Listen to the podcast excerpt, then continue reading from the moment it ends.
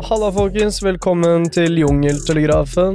Tusen takk til alle dere som hører på, følger oss på Instagram, TikTok, deler, liker, kommenterer innleggene våre. Vi setter pris på dere. Mitt navn er Ari Borgora, og jeg er programleder i dag.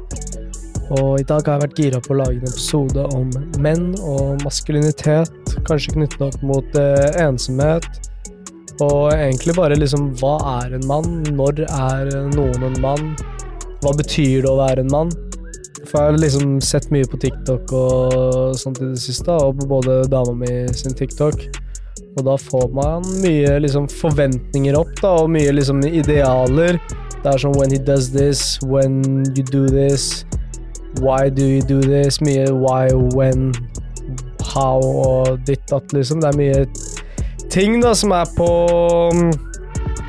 På, på Ja som snakkes om. Jeg føler at før så var mye av det liksom Mye snakk om liksom kroppslig ideale, både kvinnelig og mannlig, liksom, men nå har det på en måte beveget seg litt mer inn på liksom hvordan skal en mann eller en kvinne være, og så videre. Så jeg er jo gira på å få litt svar, da.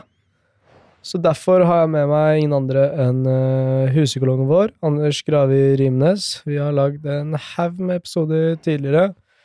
Blant annet Fire karer griner i parken, episode om agitate, personlighet, identitet osv. Så, videre. så ja, folkens, velkommen til en ny episode av uh, Arias psykologen.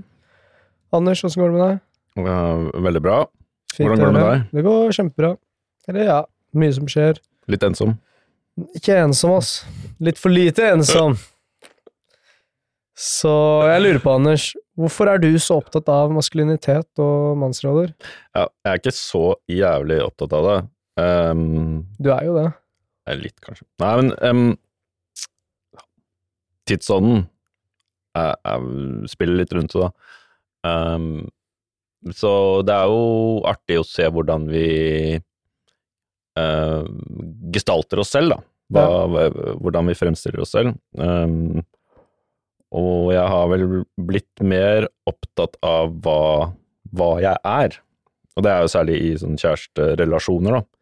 Um, det jeg liksom trodde at vi var like, og så oppdager man sakte, men sikkert, krangel for krangel, at, uh, at man er kanskje mer forskjellig enn man hadde trodd. Mm. Uh, og at vi kanskje også blir At vi kanskje var likere i 20-årene, så blir vi mer forskjellige i løpet av 20-årene og utover 30-årene. Ehm, og anerkjenne det og, og, eie det, da. Så det, ja, det har jeg vært opptatt av. Um, og så er jo ikke, det legger du kanskje merke til at jeg er jo ikke en mann som på en måte fremstiller meg selv på så avanserte måter.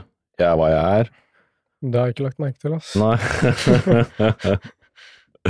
um, men mange er jo opptatt av hvordan de fremstår, ikke sant, og har et eller annet image. Uh, og det er jo en, et prosjekt, ikke sant, å finne ut hvem man skal være. Hvilke, hvilke plass i samfunnet man skal okkupere. Mm. Uh, og det tenker jo jeg også på, liksom å finne et eller annet Finne en gjeng, finne et yrke jeg er komfortabel med. Uh, men uh, jeg vet ikke om jeg Jeg vet ikke om jeg er den som er Om jeg er så opptatt av maskulinitet utover det, ass. Ja. Fordi det er jo åtte milliarder mennesker på jorda, har vi blitt.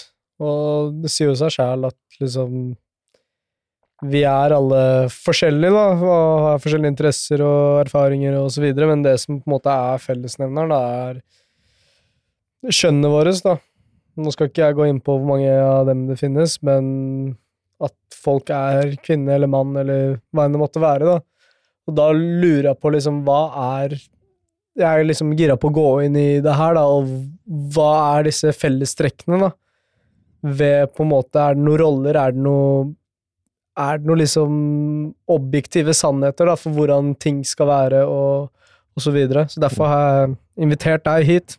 Tusen takk. Da eh, lurer jeg på, for å starte hele ballet, når er man en mann? Når man, når man er en mann, da, det tror jeg du kan bestemme litt sjæl, ass. Ja. Um, det er ikke så Folk skal få lov til å føle seg som hva de vil, ass. Jeg har ikke noe om du vil være gutt eller mann, eller, eller hva du vil. Um, men sånn biologisk sett, da, så er, er det jo en stor forskjell, og det er særlig liksom i med tanke på de kjø- kjønnshormonene, da, testosteron eller, eller østrogen. Um, jeg prøvde å ta en sånn testoblokk her om dagen. En hva da? sånn uh, blokker alle testoreseptorene. Som piller, liksom? Ja, det er veldig interessant, faktisk. Eh, det er ikke noe jeg vil um, reklamere for på poden, men, um, men det, det er sånn halveringstid på 5,5 dager eller noe sånt. Eh, og det, hvis du leser på Reddit, det er sånn de, alle de som skal skifte kjønn, tar, da. Men jeg tok bare én, og all sexdrift forsvant. Mm. Og jeg var ikke sint på liksom tre uker eller noe sånt. Eh, så det var eh, Det var veldig Jeg hadde faktisk sex med en dame da liksom en stund ute i det, og jeg, jeg var ikke kåt i det hele tatt, og jeg var, jeg var kjemperedd for at hun skulle liksom avsløre meg, da. Men jeg syns liksom hele Men du fikk den opp, Jeg, Jeg fikk den opp, um, og så noe var det der. Ja, men eh, eh, Jeg måtte faktisk ta en Viagra. Du måtte Ja, ja. For, for jeg skjønte at dette ikke kom til å gå da. Um, men for jeg ville jo på en måte ikke Jeg, vil, jeg kunne på en måte ikke fortelle så mye, og da virker jeg veldig rar. ikke sant? Liksom. Så, um, men jeg var overhodet ikke kåt, og jeg, jeg tenkte på sånn Hvorfor gjør jeg egentlig det her? Mm. Hva er vitsen, liksom? Jeg vil jo snakke med deg og, og se deg og forstå hvem du er og kjenne på nærhet og sånn. Dette er jo sex, det er jo så, så jeg var redd for at hun liksom skulle um, avsløre at jeg, at jeg ikke tok det seriøst, da. Mm. For når man er ordentlig kåt og sånn, så opplever man sex som så jævla viktig og seriøst. Ja, ja. Um, så da slo det meg sånn Shit, er det dette testoen gjør med meg? Og tenkte jeg etterpå, shit, kanskje damer opplever ikke de sex like seriøst som oss? Kanskje de syns sex ofte er litt sånn lættis og useriøst og teit? Mm. Um, så da fikk jeg en sånn eh, Shit, hva eh, Hvorfor har jeg hatt så mye sex med, med damer? Har, de liksom, har ikke de satt pris på det på samme måte som meg? Eh, Så for meg er det liksom et viktig perspektiv, da, og muligheten til å sette seg litt inn i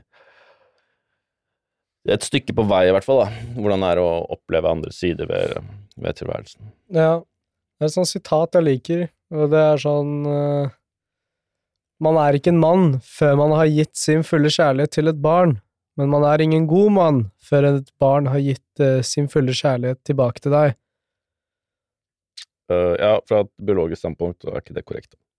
Nei, Um, men da, da Det handla var- det litt om det å på en måte elske et barn, da. At Ja. det var uh, noe med det å på en måte være mann. Da. Og når jeg tenker på det, så gir jo på en måte Hvis jeg tenker sånn Hva er det jeg forbinder med en mann? Så tenker jeg på at det er liksom Det er noen som kanskje har et barn, da, men så ser jeg på deg, liksom, og jeg tenker at du er en mann. Jeg ser på Mathias.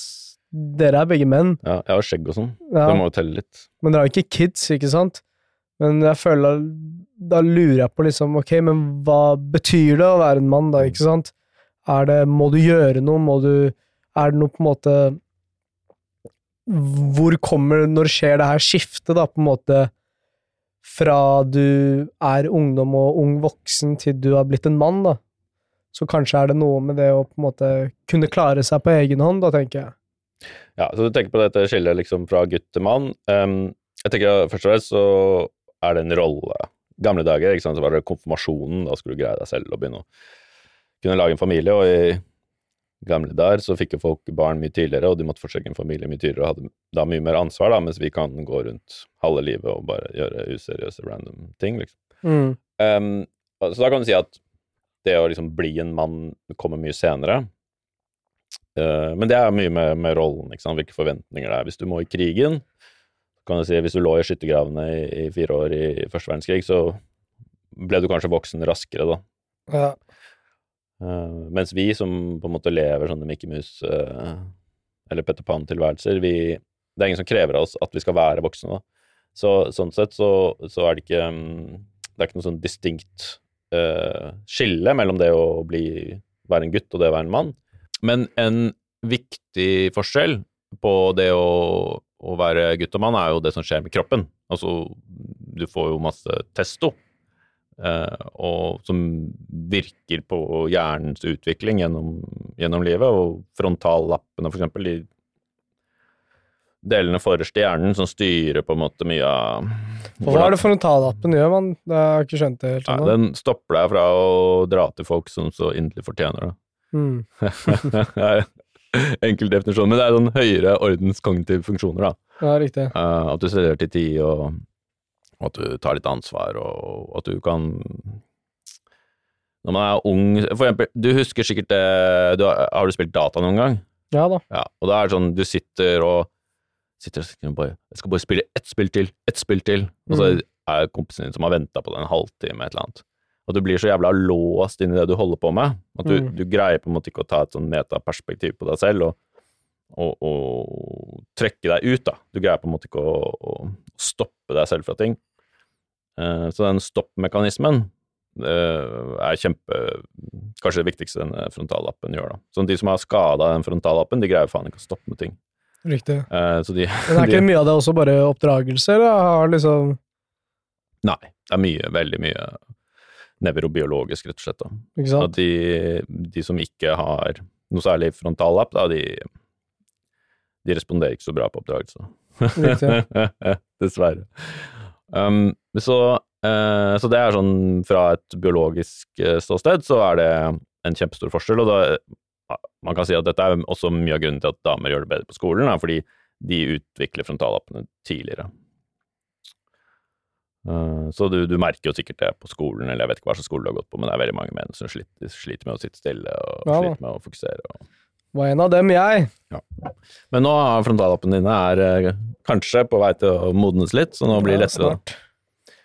Snart blir jeg bark. Ja, men det, og de, det er mange som ikke har modnet frontallapper før liksom slutten av 20-årene.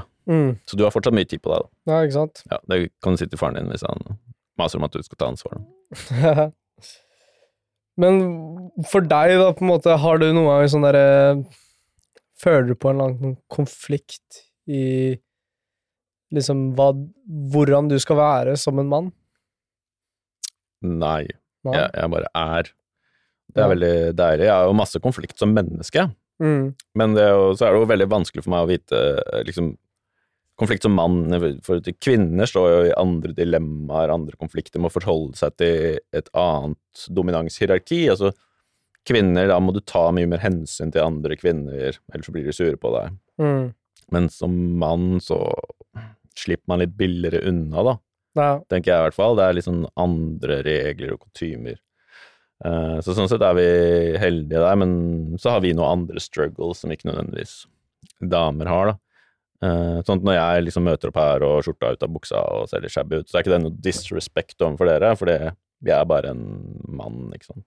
Mm. Hvis jeg hadde kledd meg veldig sexy, så hadde heller ikke det vært noe Jeg vet ikke hvordan jeg kler meg sexy, men, men det hadde heller ikke vært noe disrespect overfor dere, ikke sant. Men, men eh, som eh, for kvinner så legger man veldig mye i hvordan de kler seg, for det er, man tenker at det er en viktigere kommunikasjonsform for dem. da. Mm. Jeg har faktisk begynt å tenke på det siste, hvordan er det menn kler seg sexy? Så hvis noen hadde gitt meg en oppgave og vært sånn Nå skal du se sexy ut? Jeg vet da faen hva jeg hadde hatt på meg, liksom. Helsetrøye? Hæ? Helsetrøye, er det det? Nei, jeg vet ikke, um, men det er helt sikkert mulig. Altså, det, det, homofile er jo mye bedre på det, ikke sant. Ja, men da kler de seg som jenter, liksom. Det er jo De trenger ikke kle seg som jenter. hvis, hvis, Ja, men jeg skjønner ikke som, hvordan en mann skal kle seg sexy, hvis du skjønner hva jeg mener. Så jeg kan se på deg og sånn Ja. 'Faen, du ser bra ut nå', liksom. Ja, Men jeg føler mye av det er liksom tilfeldig, da, hvis du skjønner hva jeg mener. ja, jeg tror ikke du har stått der sånn 'Nå skal jeg se sexy ut', Nei, men da en gang jeg hadde belte som matcher skoene, så da fikk jeg kompliment av en dame på fest. da. At det var sexy. Eh, ja, at det var liksom gjennomført på en eller annen måte. da. Men var det sexy? Jeg vet ikke om det var sexy, men det, altså det er masse, det er veldig mulig for menn å kle seg sexy, Ja, ja. men du kan jo bare spørre alle venninnene dine, så kan de fortelle deg hvordan du skal kle deg sexy. Mm. Det er bare et domene som jeg ikke liksom Kanskje en behersker, da. skjorte og liksom kneppe opp noen av knappene eller noe sånt. Liksom. Ja, men det kan være sleazy. Altså, Ja, det, er masse, det er masse hensyn å ta, da. Men jeg bare sier at vi slipper unna å ta de hensynene, for det er ingen som forventer av oss mm. at vi skal kle oss sexy. Men nå er det jo liksom Det er jo flere liksom Jeg har jo vært litt på TikTok og sånt, og da er det flere liksom idealer ute og Ute og går, liksom. Du har liksom ene siden, som er på en måte der Andrew Tate, at du skal være en litt sånn lone wolf type guy.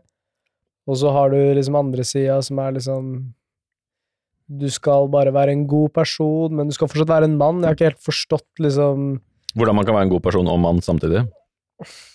Nei, ikke akkurat det, men bare sånn Jeg føler det er mye som er i konflikt her, da. Det er ikke mange som selv forstår hva greia er, på en måte. Jeg føler det er mange liksom sånn uferdige idealer, hvis du skjønner hva jeg mener. At ingen egentlig helt har skjønt hva det liksom dette nye mannlige idealet var, er, ikke sant? Men er det noe nytt mannlig ideal? Det er vel ikke alltid noen idealer der ute? da? Ja Ja, det er jo strong silent type, er ikke det? Jeg trodde det alltid var populært. Strong jeg, silent type. Jeg har alltid prøvd det, men jeg snakker for mye. Ja, ikke sant? Men jeg greier av og til å holde meg en halvtime på fest hvis jeg virkelig liksom forbereder meg. da. Og holder kjeft? Ja, er strong silent. Bruke blikk og mys og sånn. Men, men Ja, kanskje det er det, jeg vet ikke. Jeg har en kompis som er sånn, han, øh, han drar mye. Men nå er det liksom Jeg er ikke gira på at fokuset på denne episoden skal liksom være akkurat det der og Hvordan dra damer, men jeg tenker liksom Hvordan være mann og ha det best mulig samtidig som man kan på en måte Ja, være en mann, hvis du Ok, skjønner hva jeg mener. jeg skal gi deg oppskriften. nå. Som mann så må du ha en slags sånn um, frihet. Veldig mange menn, inkludert meg, har setter frihet veldig, veldig høyt. Mm. Uh, og det å enten greie å rigge deg en jobb som gir deg en del frihet, eller greie å få horde noe cash, sånn at du liksom ikke trenger at en jobb, en sjef, kan liksom ha kontroll på deg, da. Ja. Fuck you money, kalles det. Uh, så, um, så det er liksom det første, og da må man ofte skaffe seg en eller annen utdanning, ikke sant. I dag i Norge så er utdanning populært for å vise at du kan et eller annet, sånn at du får deg en jobb, sånn at du kan bli noenlunde uavhengig, da. Så det tror jeg er en måte å være mann på. Og så må du liksom se litt hva slags type evner, skills, har du som, som gjør at den jobbhverdagen kan være minst mulig smertefull, da. Mm. Uh, og det å liksom ha noe selvrefleksjon hjelper i det henseende. Greie å, greie å forstå hva, hva er det du har som er akkurat unikt nok til at noen gidder å betale deg for å, for å bruke den skillen. da. Eh, så nå var jeg jo veldig sånn karriereorientert, men på fritida er det ingen regler, ass. Det er, du velger selv liksom hvilke type um, gruppe du ønsker å forholde deg til, og innad i grupper så er det veldig strengere, strenge, eller kan være strenge Men hva med respekt, for eksempel? Tror du ikke det liksom er noe for eksempel menn verdsetter høyere enn eh, kvinner? Jeg er jeg veldig glad i integritet. Eh, respekt syns jeg er vanskeligere At folk skal respektere meg. Hva mener du med det? At man ikke for eksempel skal Eller jeg for eksempel er veldig sånn Jeg er veldig bevisst på Det kan hende at det har blitt det mer enn andre på grunn av vi har lagd mye episoder og jeg har lest litt om det og sånt, men sånn hersketeknikker og hvordan folk på en måte kan være nedverdigende, da. Mm. Så jeg er liksom veldig bevisst på akkurat det der, og jeg Mm. tolererer egentlig ikke at hvis noen skal liksom være nedverdigende mot meg. Så det er sånn ting jeg slår veldig hardt ned på, da. Ja, hva gjør du da? Mm, Da blir jeg alvorlig, liksom. Så Hvis jeg, sier det, hvis jeg kaller deg et eller annet dritt, hva sier du da? Man må jo være smart, da, og liksom komme noe tilbake, men det er jo som regel å liksom slå hardt ned på det, eller si ifra, eller uh, være litt enda mer sleazy, liksom. Ja, det er sikkert altså En ting som funker veldig bra, da, som jeg har merka, er sånn hvis noen sier sånn ja, Det er sånne snikkomplimenter som egentlig ikke er sånn Hvis jeg gjør noe kult, da, eller sånn hvis du hadde gjort noe kult, da, og skal gi deg et kompliment, men det komplimentet er verdt noe fordi det kommer fra meg, det er sånne ting jeg har merka mange driver med, liksom. Sånn 'Å, jeg syns det du driver med, er kult', liksom. Og da er det en sånn derre undertone der som liksom punkterer at det er fett fordi jeg på en måte Jeg har gitt deg liksom grønt lys på at det er kult, hvis du skjønner hva jeg mener. Uh, ja. Og da pleier jeg bare å si det er ikke Tusen takk, det betyr mye å høre det fra akkurat deg. Og da blir de litt sånn litt satt ut av det. ja. Det er veldig mange ting i 20-årene som man er opptatt av, veldig små ting. Nå skal jeg ikke si at dette var en liten ting, da, da er det sikkert fint å få respekt for akkurat deg, men men det eh, Veldig mye små um, liksom sånn statusmarkører eh, når man blir Men det har jeg merka med masse eldre folk òg. Så liksom helt vanlige norske dudes opp i 50-årene, liksom. At de, det handler om det å på en måte At folk ikke skal tråkke ned på deg. Da. Jeg tror det ligger liksom Men hvem er dette her? Hvem er det som er redd for å bli tråkket på? Det er ikke at noen er redd for å bli tråkket på, det er bare at det er Det er liksom Det er ikke noe digg, da. Man skal jo Jeg tror alle mennesker har liksom eh, et behov da for å føle seg både sett, liksom anerkjent og viktig, ikke minst. At det er liksom egenskaper som er tilknytta at man på en måte har det bra, da, og at man er fornøyd med seg sjæl, liksom.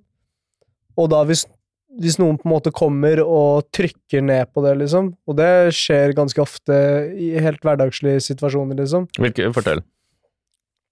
Nå skal jeg ikke Jeg har, har ikke noen konkrete eksempler, men at det Mange har jo liksom behov da for å Selv om det kanskje ikke er noe vondt ment, så har jo folk et behov for å vise seg frem og kanskje trykke andre ned for å plassere seg litt høyere, liksom. Og jeg tror ikke det er liksom bare i ungdomsårene. Jeg tror det inntrykket jeg har fått, i hvert fall, er at det er, skjer hele tida, liksom. Både i jobbsammenhenger og i vennskap, i vennegjenger.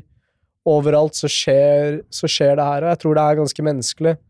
Før så hadde Før så kunne vi liksom slå hverandre, da, for å vise For å vise dominans, da, ikke sant, eller for å vise jeg, føler nesten det er sånn en selvrealisering, på en måte, å finne ut av hva man kan. At jeg kan dunke hodet ditt inn mot en vegg tre ganger bare for å finne ut av hvem hva jeg er verdt, da, hvis du skjønner hva jeg mener. Men hvorfor gidder du å ha en venn som trykker deg ned?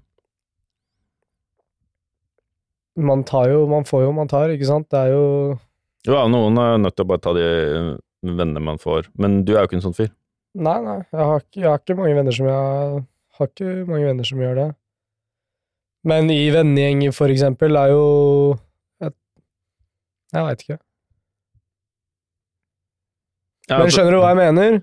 Ja, altså definitivt. Det er jo i, i, sikkert på videregående Da velger man jo ikke sin egen gruppe, ikke sant. Du blir, du blir bare satt, eh, satt et sted, og det samme i militæret for de som er der. Um, men når du blir eldre, så kan du velge vennegjengen din, velge menneskene du er med, og, og den type oppførsel som du beskriver, det er jo liksom Det er en viss type mennesker som holder på med det, og øh, det er jo veldig enkelt å velge de bort. Absolutt, men jeg, jeg tenker ikke at det er liksom noe som er helt fremmed for folk, da, at de opplever at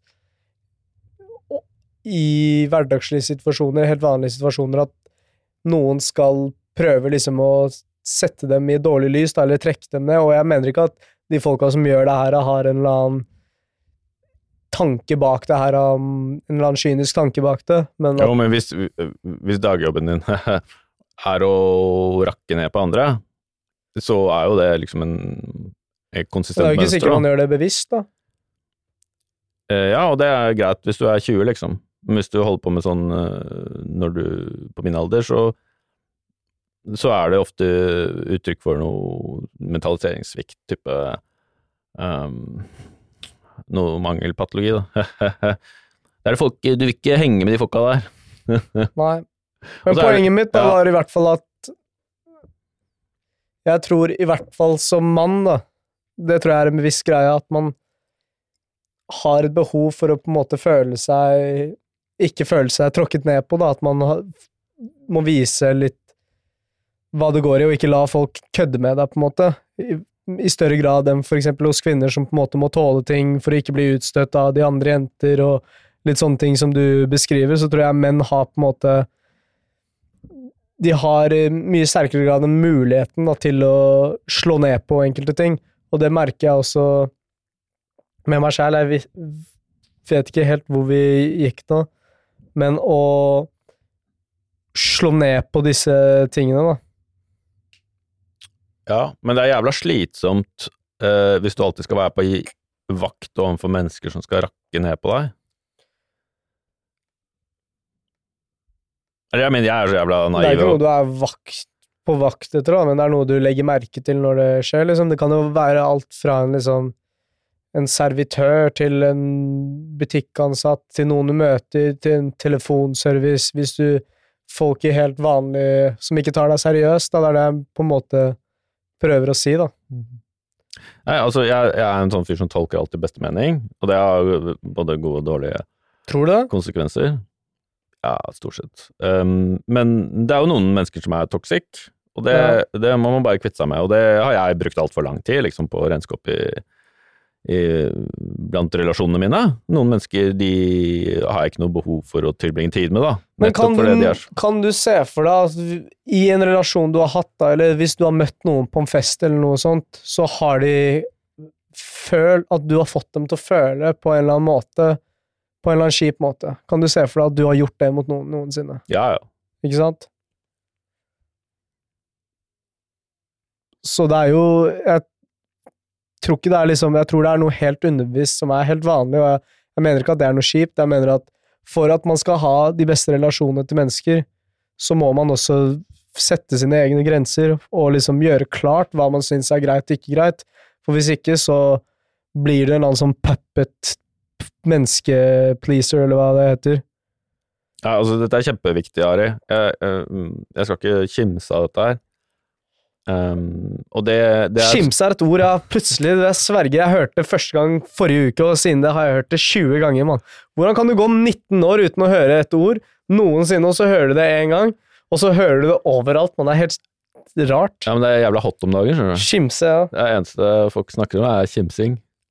Går rundt og kimser hele tiden. um, um, men det, i, når folk er 20, så er de mye mindre klar over egne grenser, andres grenser, så man tråkker over andres grenser uforvarende. Jeg har gjort det hele tiden, ja.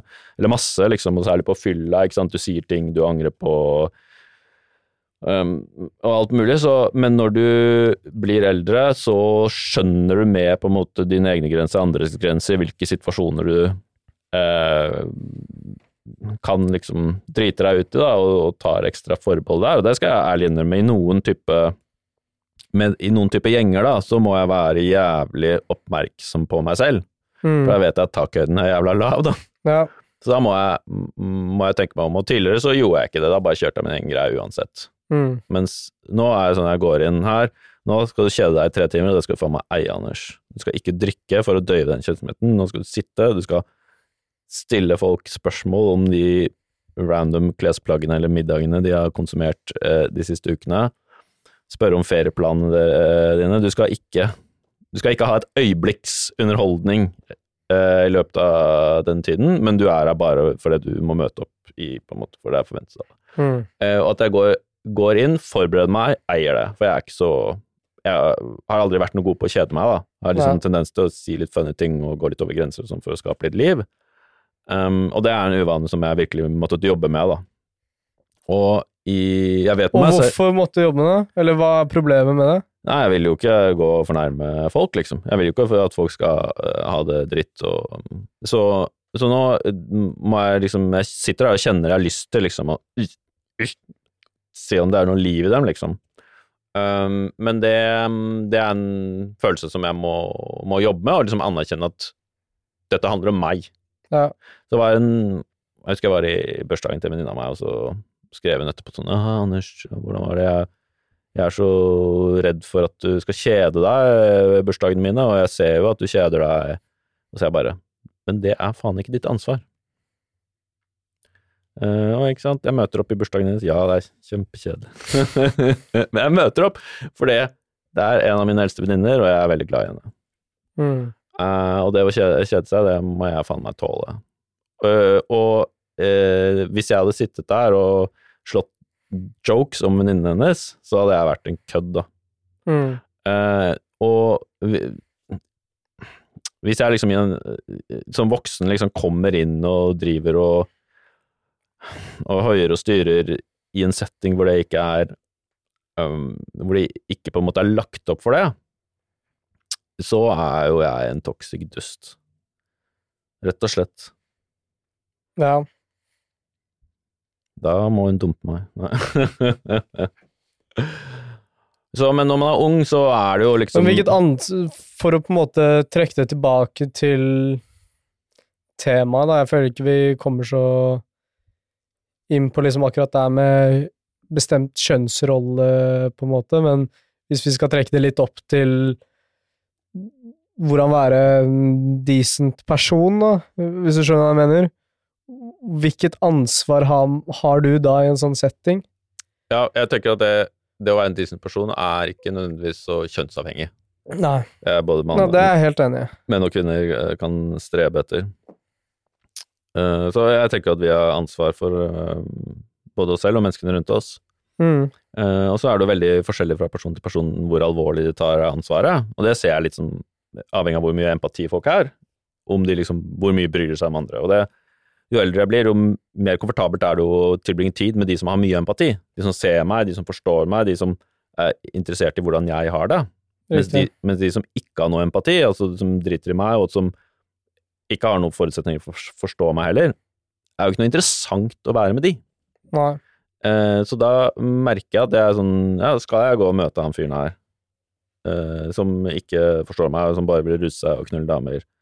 Nei, kanskje jeg, jeg har egentlig ikke så lyst til det. Jeg har lyst til å møte og henge med en som spør hvordan jeg har det. Og, eh, så øh, jeg har blitt, jo eldre jeg blir, jo mer bevisst jeg er på hvilke mennesker skal jeg henge med, og hvem er det som er bra for meg å henge med. Og det Mm. tenker jeg jeg skal gi et råd til unge lytterne. Så er det å bli mer bevisst på det i en tidligere alder, da. Mm. Hvorfor skal jeg oppsøke og bringe tid med de, tilbringe tid med de folka her? Ja. Og så vil jeg si til alle dere der ute som hvis dere kanskje er litt ensomme og sånn, da, så, så er det bare at du ikke har funnet din gjeng. Det er ikke, det er ikke sånn at du er dømt til ensomhet fordi du har en utstående fortann, eller, eller et eller annet sånt. Man tror når man er ung at man er liksom øh, Hva skal jeg si, lost og, og aldri liksom vil, vil finne noen å vibe med, da. Uh, og for noen så tar det kanskje litt lengre tid enn andre, men men det er jo Vi mennesker Det fins veldig mange liksom, forskjellige typer av oss, men Oslo er en stor by, liksom, så selvfølgelig fins det venner til alle. You got a friend in me Men nå er vi inne på liksom roller og, og sånt, da. Nei, vi er inne på venner. Ja, ja, men venner, men der er det jo forskjellige roller og Jeg er gira på at det her skal handle om skjønn. Ok. Så for eksempel i et forhold, da. Ja. Har en mann noen forskjellige roller enn for eksempel en kvinne? Ja, du eh, eh, la du merke til den debatten mellom Anne Rokkan og Fetisha Nei. Williams? Nei. Eh, Fetisha har funnet ut at hvis du går på date, så er det best å legge inn lommeboken hjemme. For det, hvis du skal finne deg en bra fyr, så vil du at han skal betale. Det er ikke noe vits å date en fyr som vil at dere skal splitte regningen. Mm. Anne Rokkan, kommentator i DN, prøver å kjefte litt på Fetisha. Men vi har jo likestilling i Norge, og selvfølgelig kan man splitte regningen. om. Uh, øh, og det tenker jeg er selvfølgelig helt rett for Anne Rokkan. Hun skal splitte regningen, og hun er feminist. Mens uh, Fetisha hun trenger jo noe helt annet, ikke sant. Så det er jo Ulike forhold vil jo ha helt ulike dynamikker. Eh, og det må man respektere. Og det, det er jo en feil jeg gjør ofte, ikke sant. Jeg er alltid sammen med den forrige dama. Du er alltid sammen med Den forrige dama. Ja. Du har kanskje hørt det uttrykket 'generalene kjemper den forrige krigen'? Mm. Har du hørt det? Må gjenerobre det tapte. Nei. Det er det du prøver å si? Nei, nei. Eh, eh, ikke sant? Under, under første verdenskrig så var jo folk soldater og lå i skyttergravene, ikke sant. Mm. Og de som hadde opplevd den type krig, de ble jo eldre i Forsvaret og ble etter hvert generaler. Sånn at når Mm. de da lå i skyttergravene sine i Frankrike, Maginot-linjen, og satt og venta på liksom, skyttergravskrigen, så hadde jo tyskerne funnet opp stridsvogner i, i mellomtiden og bare kjørte rundt. Ja, Reinskogen, eller hva den heter. Hva heter den? Eh, kjørte Ardennene. Ardennene, ja. Så for dere historiebuffs uh, der ute. Ja. Men, eh, men i hvert fall så eh, tenker man at det er nettopp fordi du er så stuck i det forrige paradigmet, er det lov å bruke det ordet, eh, den forrige måten å føre krig på, at du, at du, at du ikke liksom når krigen blir kjempet på en ny måte, så greier du ikke å omstille deg da. Eh, og det er samme i finans, så sier man ofte at investorene investerer i det forrige markedet, Mm. Derfor de driter seg ut, ikke sant. Fordi ting endrer seg hele tiden. ja. Og min bias er den forrige dama. Sånn at hvis jeg har vært sammen med en dame som har masse angst, trenger veldig mye trygging, så møter jeg en ny dame som kanskje trenger det helt motsatte, da. Men likevel så driver jeg og trygger henne, ikke sant. Mens hun trenger liksom trenger, trenger at jeg driver og push-puller henne litt, for eksempel. Ikke sant? Eh, Så, eh, så der eh, har jeg funnet opp et eget begrep. Agile dating. Agile dating. Ja, Ehm, at man må være mye mer mindful på ikke tenke kjønn. Ikke tenke sånn en dame er en dame, hun trenger det det. Du må tenke akkurat hva trenger dama di. Mm.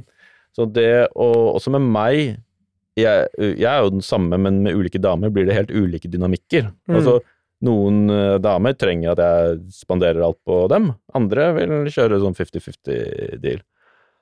Eh, noen vil at man skal flytte sammen, eh, noen vil bo hver for seg. Det er liksom, så man må eh, bare være åpen for hva slags type dynamikk eh, personlighetene deres inviterer til. Da.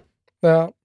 Og i hvert fall i både romantiske forhold og vennerelasjoner, så føler jeg at det handler mye om å utfylle hverandre og skape den der egne dynamikken. Da. Så både i vennegjenger så har du jo forskjellige roller, liksom. Det er jo, hvis man drar på, man drar på ferie, da, så er det han ene fyren som bestiller hotell, han andre som finner festene, han andre som sørger for at alle spiser, og sistemann som sørger for at alle har det bra. ikke sant? At det er forskjellige roller. Og det går- roller pleier du å ha? Eh, På ferier Han som finner på mest kødd, tror jeg. Skaper de gode minnene og historiene, vil jeg si. Eh, ja, det er jo en viktig Nei, ja. rolle. Hva slags historier har du skapt? Det er mange bra. Noen dårlige? Nei, Bare bra. Nei, det er bra. Men, eh, og det går jo inn på hvordan mennesket som art også er, da, ikke sant? At vi har greid å utvikle oss såpass, er jo fordi vi jobber i fellesskap, da, ikke sant? Og en kan bygge et hus, da den andre kan lære barna, liksom, og at det er forskjellige roller da, som gjør at man skaper liksom, en kompleks og god ting, da. Og det tenker jeg også er i et forhold, da, at det kanskje ikke handler like mye om Man snakker jo om da at nei, jeg er sånn med dame, eller jeg er sånn med dame, og da er det kanskje Det er ikke noe rett eller galt, da, som du sier, at det er, varierer veldig fra person til person.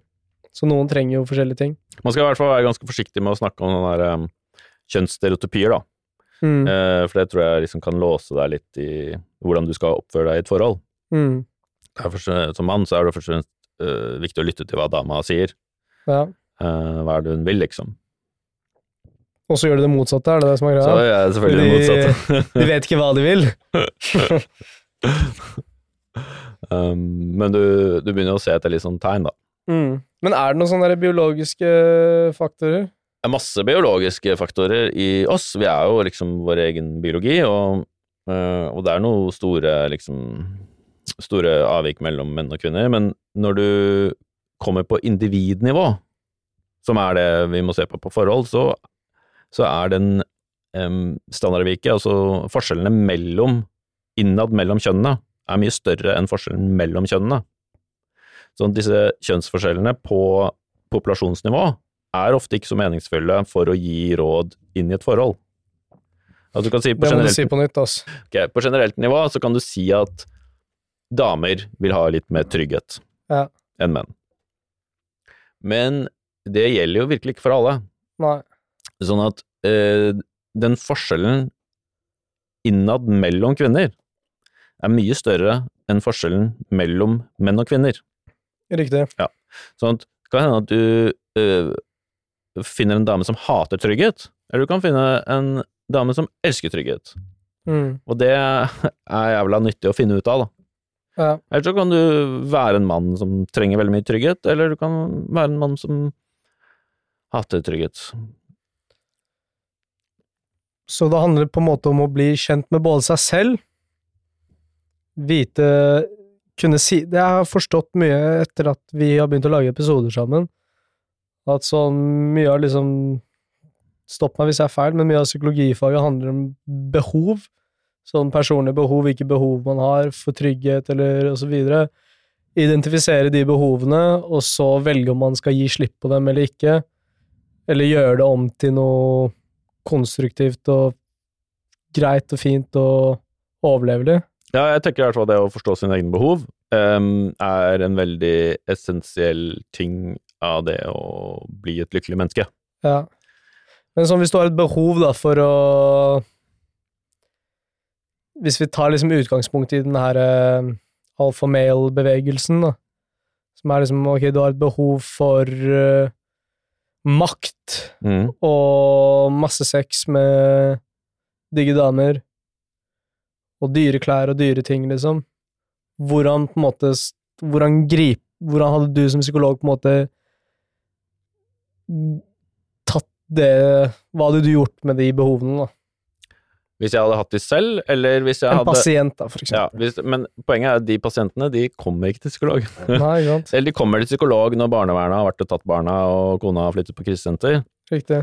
Eh, og så kan du jobbe litt med liksom, hvordan de skal håndtere disse behovene. Så går du tilbake og bare 'Baby, jeg endra meg'. Ja, eller det sier de da, og så når liksom barnevernet avslutter saken, så forsvinner de fra terapi. Da. mm. Rett og slett. eller kanskje i fengsel, så er de liksom klar for Andrew Tate har vært i fengsel, ikke sant. Gikk han til psykolog, jobbet han med noe greier, sa sånn ja, nei, nå er jeg et nytt menneske, nå skal jeg selge alle bilene mine, og nå skal jeg slutte, slutte Har han gjort det nå? Solgt alle bilene... Jeg har ikke peiling, Nei, nei. Men han har vært i fengsel, vet Riktig. jeg. Ja, så det er jo spennende om du liksom, man går til fengselspsykologen og ønsker å jobbe med seg selv, eller om man ikke gjør det da, Eh, og om det faktisk blir noe endring. Um, og så tror jeg at Andrew Tate Men det er ikke noe reelt svar, da, Anders.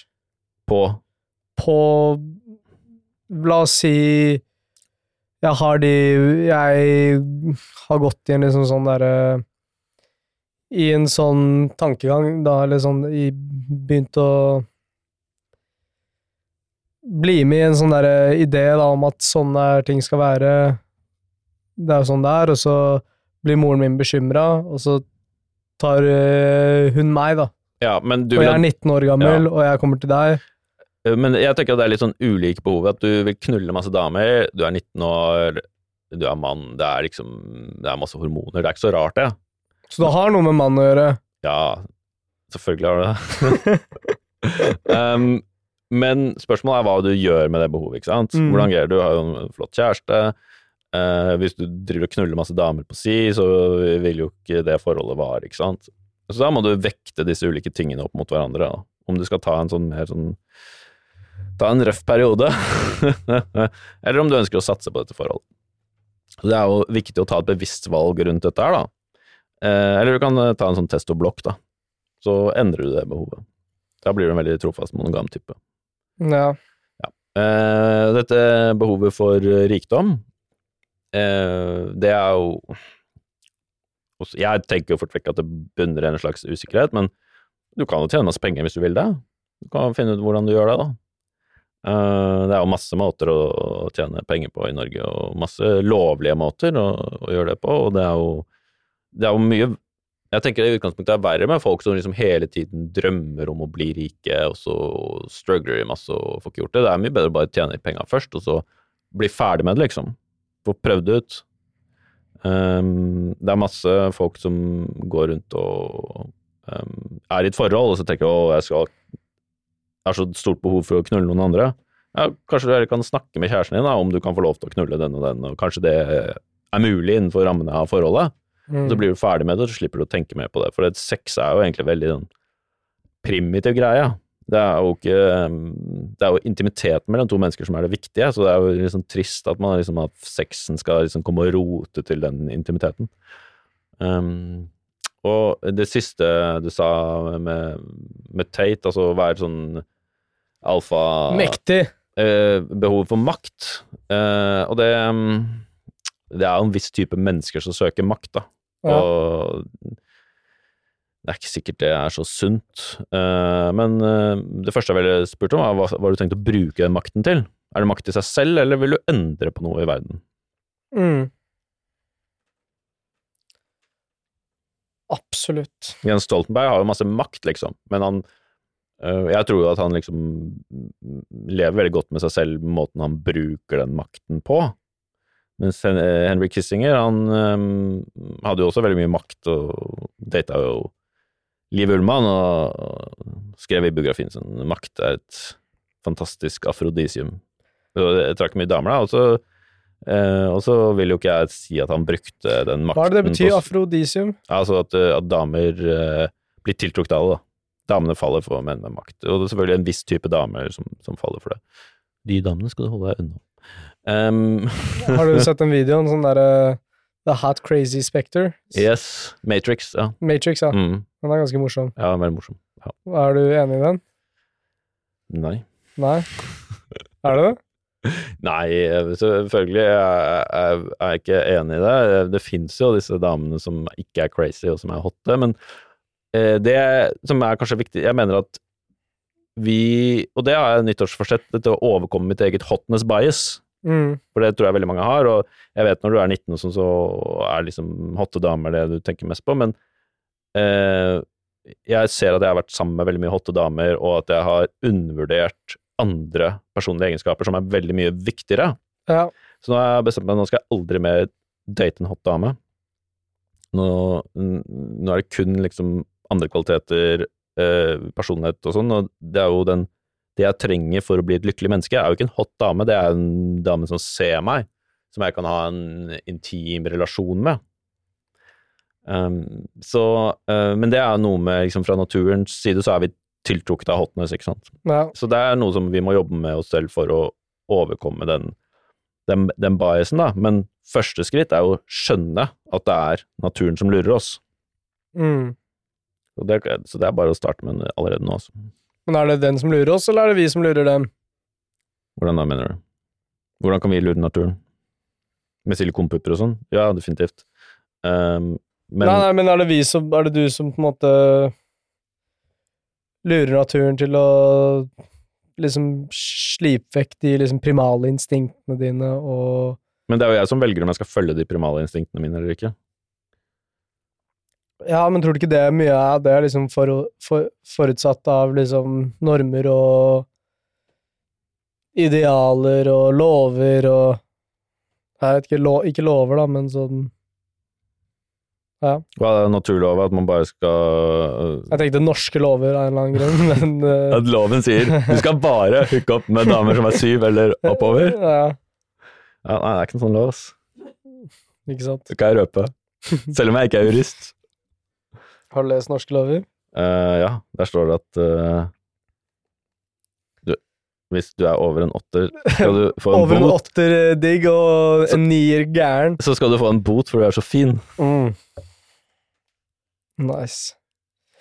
Men jeg lurer på, fordi Hvis du tenker liksom på disse mannlige influenserne som selger liksom denne tanken og drømmen om et, eh, om en, et bedre liv, da, som en god mann, og, videre. Tror du det er noen av de liksom egenskapene de selger inn som faktisk er knytta mot liksom høyere selvverd og livskvalitet? Stort sett ikke. Ikke? Jeg tror de fleste mannlige influensere stort sett selger slangeolje. Eh, og det handler først og fremst om at det er så utrolig vanskelig å endre seg, Mm. mens det mange av de selger, er nettopp endring. For eksempel, det var en eller annen sånn Jeg husker ikke hva det heter, men han skrev boken 'Awakening the Giant Within'. Tony Ja. Scott, kanskje. En sånn, det har alltid vært sånne vekkelsespredikanter, eller sånne Andrew Tate-typer, eller Jordan Peterson, eller et eller annet, som, som forteller deg en eller annen løsning hvordan, på livet ditt. Men den løsningen på livet ditt er jo liksom først og fremst forstå deg selv. Og det er jo Det er jo veldig vanskelig for Jordan Peterson eller Andrew Tate uh, å, å sitte og si det. Liksom det er en mer buddhistisk øvelse. Fordi de prediker jo hvordan skal du være for å få suksess. Mm. Og det er jo det de selger, ikke sant. Jeg er suksess, bli som meg. Mens det du egentlig Det man egentlig bør si til alle menn, er forstå deg selv, og forstå hvordan du blir lykkelig. Og det er jo mer sånn filosofisk eh. Så du kan si sånn Hvis du tenker han eh, Marcus Aurelius som influenser, da, så så er det greit. Da kan du høre på han. Da kan du lese han. Um, men, men Andrew Tate, altså de de selger Marcus Aurelius var jo Hva var det han? Keiser? Yes. Warrior philosopher. Lett for han å fortelle folk hvordan de skal være lykkelige, da. Jo, ja, ja. Men han, det går jo på at de må forstå seg selv Ja. og egne behov. og Det er jo også det oraklet i Delphi, ikke sant.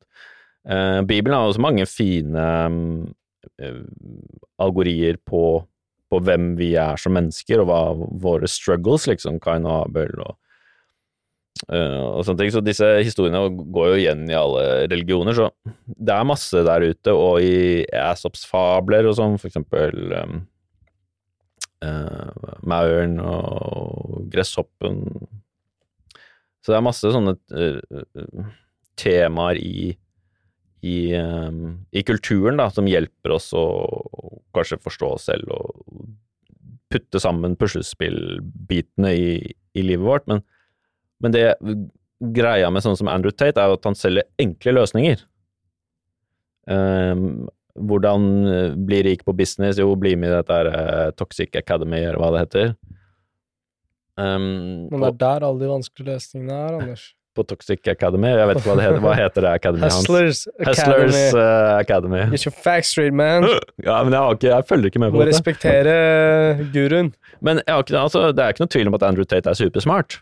Ja. Men det er en grunn til at han måtte flykte til Romania og ble kasta i fengsel.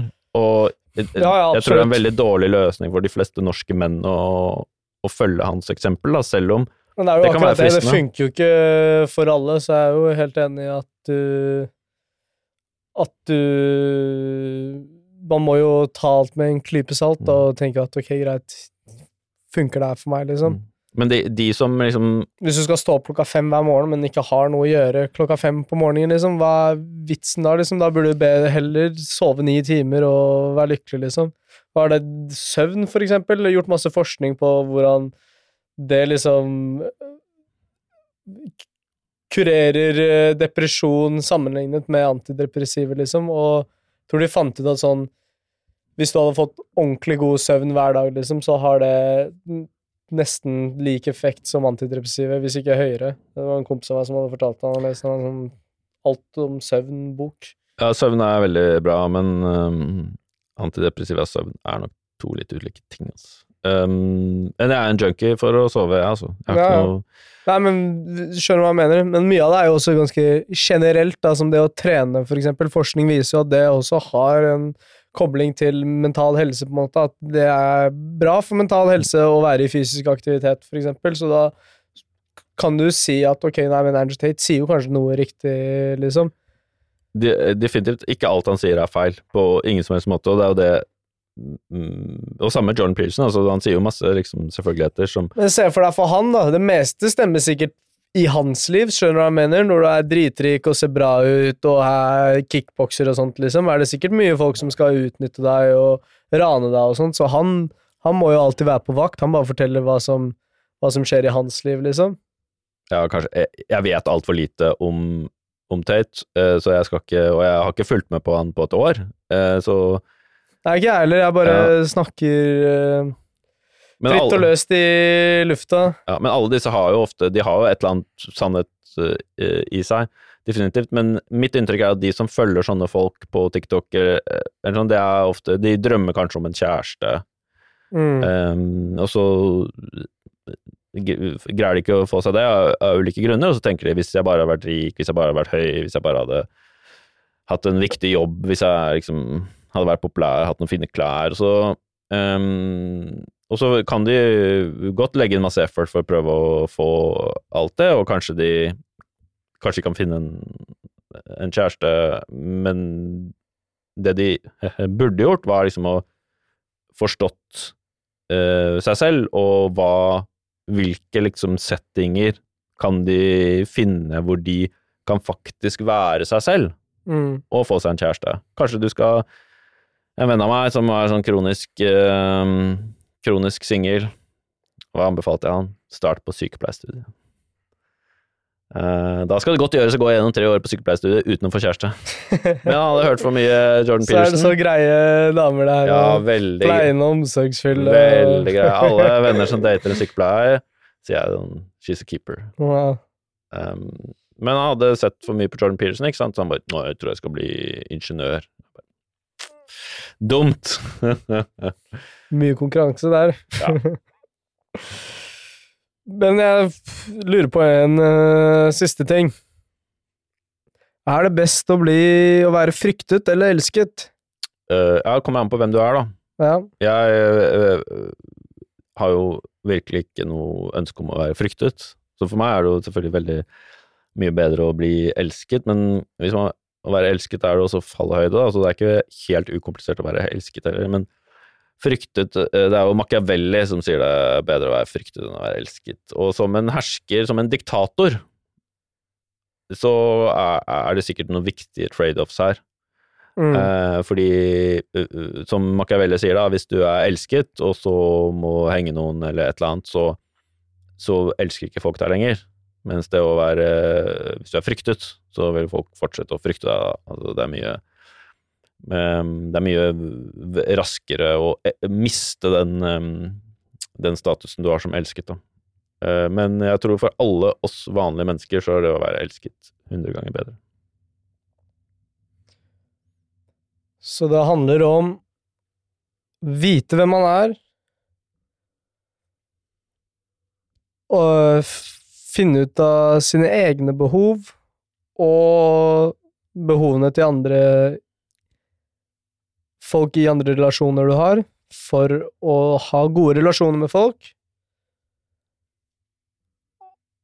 Og så finne ut av hva som er riktig for deg. Ja, å finne, din crowd, rett og slett. Når du, når du ser at vennene dine vil noe helt annet enn deg, så er det ikke sikkert at du skal være venner med dem lenger. Og det er veldig Av en eller annen grunn folk tror at det med venner er så big deal, men vi I hvert fall jeg har hele livet liksom fått og mistet venner hele tiden. Eh, Så det er ikke noe Det er, ikke noe sånn at man på død og liv må beholde de vennene man har. Det jeg har sett med damer. De er fortsatt venner med de de gikk på videregående med. Så damer er litt mer sånn beholde vennene sine. Mens eh, dudes, vi er mer fleksible, altså. Så kvitt deg med vennene dine, er eh, rådet fra psykologen. I hvert fall de som er toxic. Og så, eh, Det kan godt hende at de fortsetter å være toxic liksom, eh, langt opp i 20-årene. Det er ikke noe Hvordan er det du finner ut av om de er toxic, da? Nei, Hvis de hele tiden skal rakke ned på deg, da. Mm. Hvis de skal sånn, være noe med backhanded compliment eller et eller annet. Så kan de toxice menneskene henge med hverandre. Selvfølgelig har de ikke noe lyst til å henge med hverandre, og bare sitte der og være toxice, men, men vi eh, normale, greie folk, vi skal slippe å deale med toxic folk, tenker jeg. Det er ikke jobben vår. Tok uh, catcha hun chicken der, eller? Hvilket chick? Hun uh, med testoblokkeren. Uh, ja, hun, det sa hun faktisk. Liksom. Anders, du trenger ikke prøve så hardt. For hun, eh, hun skjønte liksom at uh, For jeg tenkte at jeg måtte gjøre en jævlig effort for ikke å bli avslørt. Mm. Og så fortalte jeg hele historien, da. Hva sa hun da? Nei, hun syntes det var funny. Det er fint. Tusen takk for at uh, du ble med. Tusen takk for at jeg ble fikk komme igjen. eh, kul episode, syns jeg. Takk til alle dere som hørte på. Gjerne send oss en uh, Instagram-melding med hva dere tenker var det viktigste vi snakket om. Vi ses ikke på en stund. Hvor skal du? Sør-Amerika. Wow, hvor da? Colombia, Brasil og Argentina. Ok, da må du være forsiktig, Ari. Jeg skal være en mann. Ikke noe tull og tøys. Ikke noe tull og tøys nei. Så vi ses eh, når jeg kommer tilbake. Da blir det noen bra episoder. Det gleder jeg meg til. Ha en fin dag.